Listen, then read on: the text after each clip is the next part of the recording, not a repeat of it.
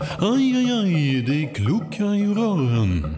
Men det är väl inget att bry sig om? Jo, då är det dags för de gröna bilarna.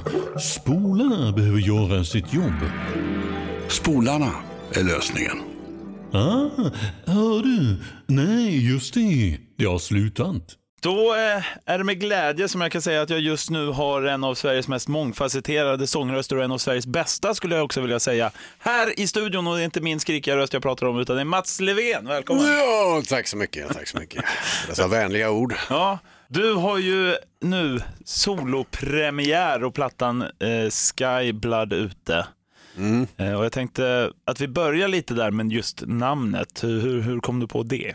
Eh, jag hade skrivit upp lite olika, fan det är svårt med namn vet du. Man sitter ju och surfar nätet och aha det finns och det finns och det finns. Du vet man tycker man har hittat ett bra namn liksom. Men, men vart börjar du då? Liksom? Jag vet inte. Bra namn, Google. Ja, men jag, jag vet, nej, jag vet inte liksom var.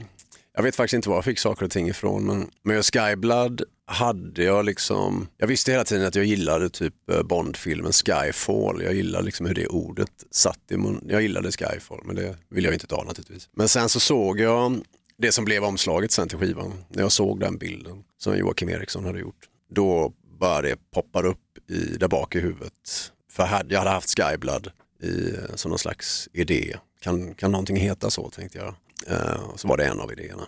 Och när jag såg den bilden så var det bara klockrent. Ja, yes. Både bilden, färgerna som var i bilden och jag på något vis kände att jag hade en karaktär plötsligt som hette Skyblood. Som nästan kunde vara som mitt alter ego. Eh, ungefär som jag skulle skriva ett filmmanus eller en tv-serie. Jag bara såg framför mig, ja, jag tyckte det var kul liksom. Jag bara kände mig inspirerad. Det var faktiskt lättare att skriva klart texter och sånt när jag hade en annan karaktär att gå igenom. Liksom. Ungefär som man tar på sig en mask så kan man plötsligt vara på ett sätt som man inte är annars för att, av olika anledningar. Så att Skyblood fanns där bak i bakhuvudet som ett av potentiella namnen. Liksom. När jag såg den bilden så var det klockrent. Men eh, var hämtar du din kreativitet och inspiration från just nu när du då gjort en egen platta?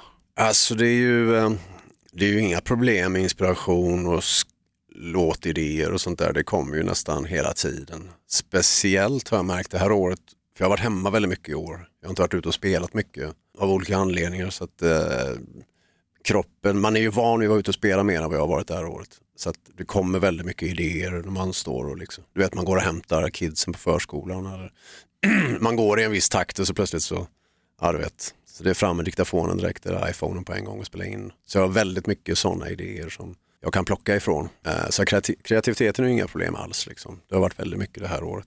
Det handlar mest om att man ska ha tiden att sätta sig och gå igenom det och göra något vettigt utav det. Liksom. Eh, Men det, det är bara jag får tid med nu. Nej, det är inga problem med kreativiteten.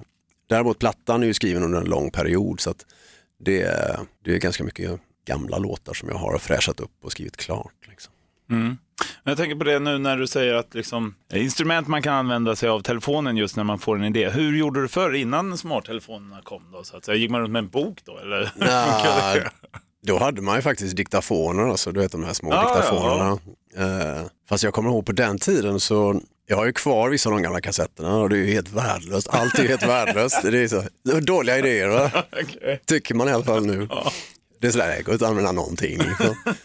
Men däremot alltså, liksom de sista åren med iPhonen, det har varit väldigt mycket bra idéer som faktiskt har lett till någonting vettigt. Liksom. Eh, så att, eh, men förr hade man diktafonen så tyckte man att man var seriös som fan. Men det var inte mycket av det som, som användes. Det användes mer till liksom en liten mjölk, ägg, komma ihåg vad man skulle handla. ungefär. Nej, så att, eh, men det var diktafon förr i tiden, du vet.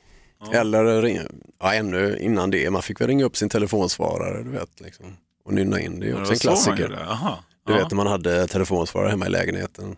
Ja. Om, på något vis ringde man hem till den när man så spelas in och så hade man det där sen. Eller du vet, Att det var ju finurligt något faktiskt. sånt där tror jag att man Ja. gjorde någon gång. Ja.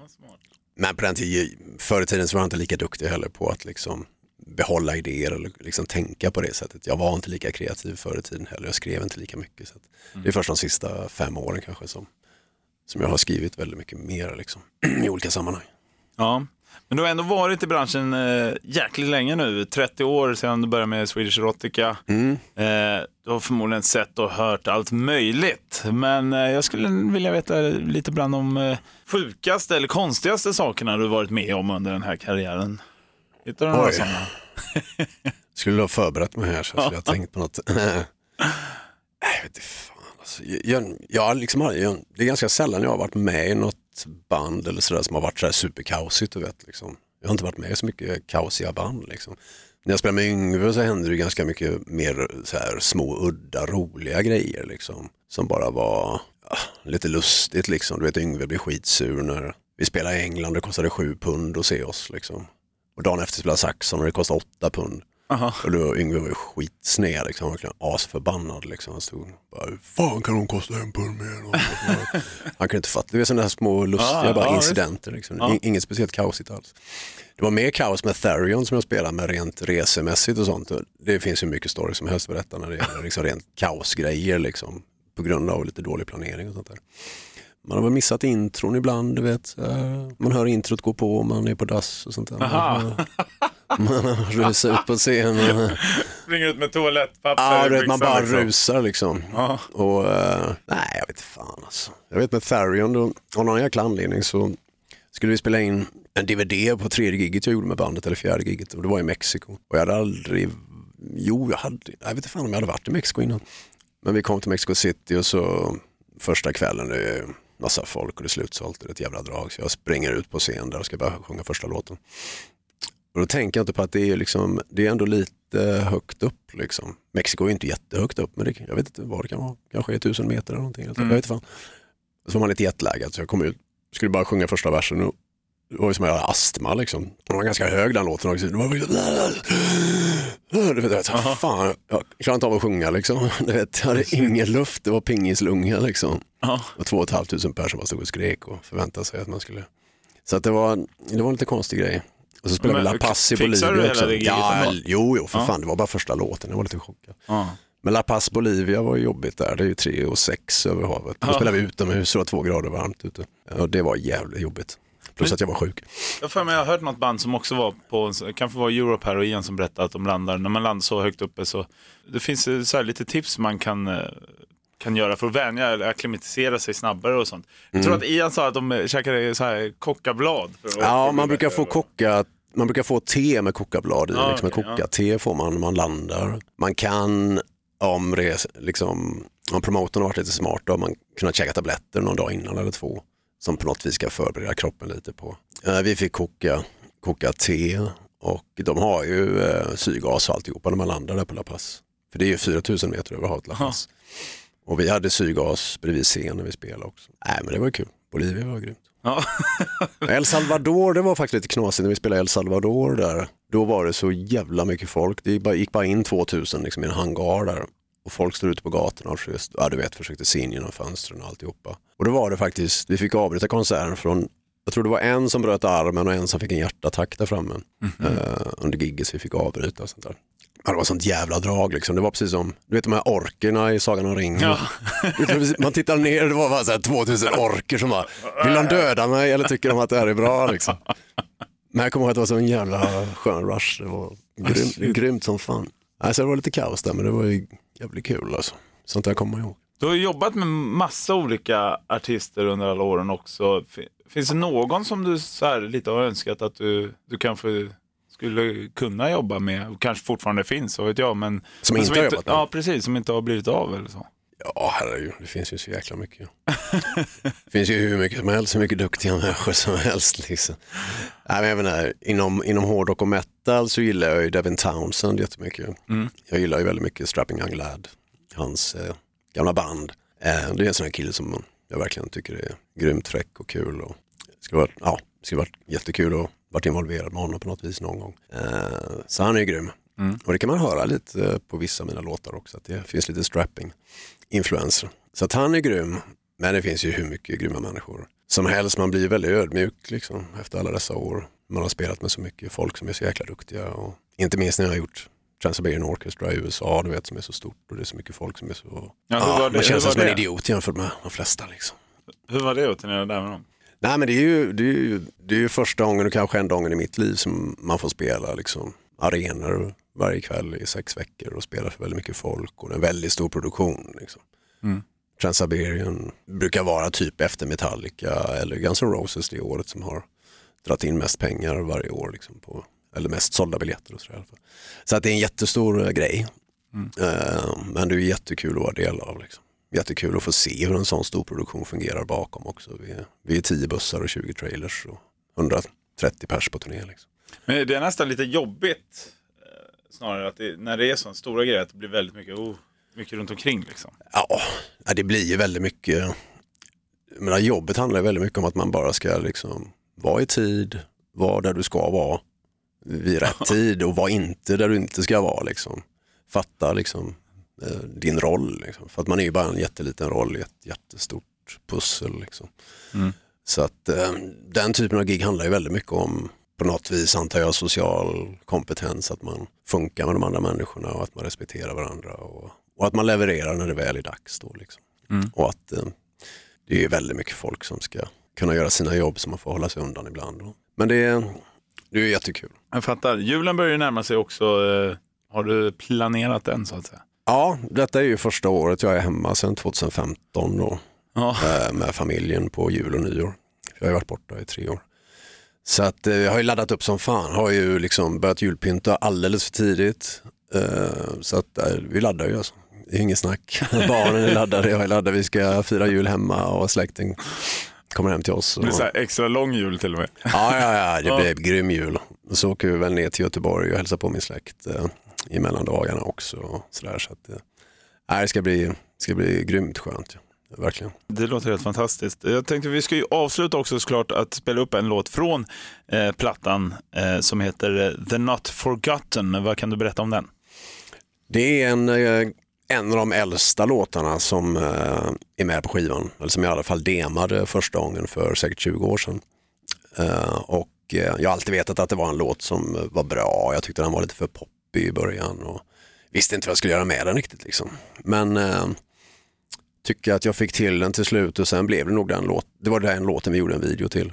Eh, som även skivbolaget tyckte var liksom en, som passar bäst för att göra en video till som var mest kommersiellt så att säga gångbar. Ja. Och, eh, nej, så att, eh, nej, men jag är jävligt nöjd med den och, eh, och ganska mycket av den som jag liksom gjorde klart, liksom, som jag förändrade precis innan mix. Liksom. Ganska mycket spontan grejer som jag fick med som jag bara litade på att ja, men det här blir coolt. Liksom.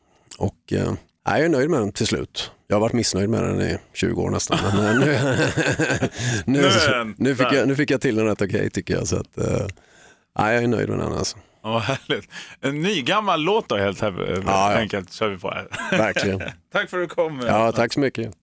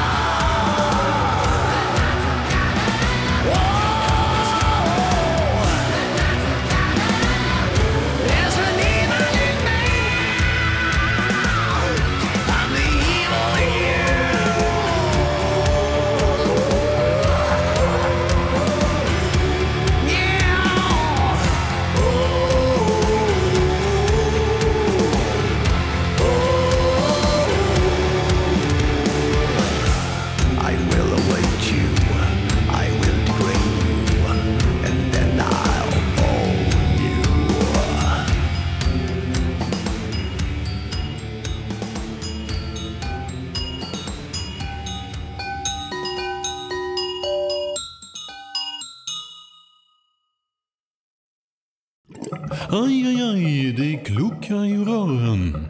Men det är väl inget att bry sig om? Jo, då är det dags för de gröna bilarna. Spolarna behöver göra sitt jobb. Spolarna är lösningen. Ah, hör du? Nej, just det. Det har slutat.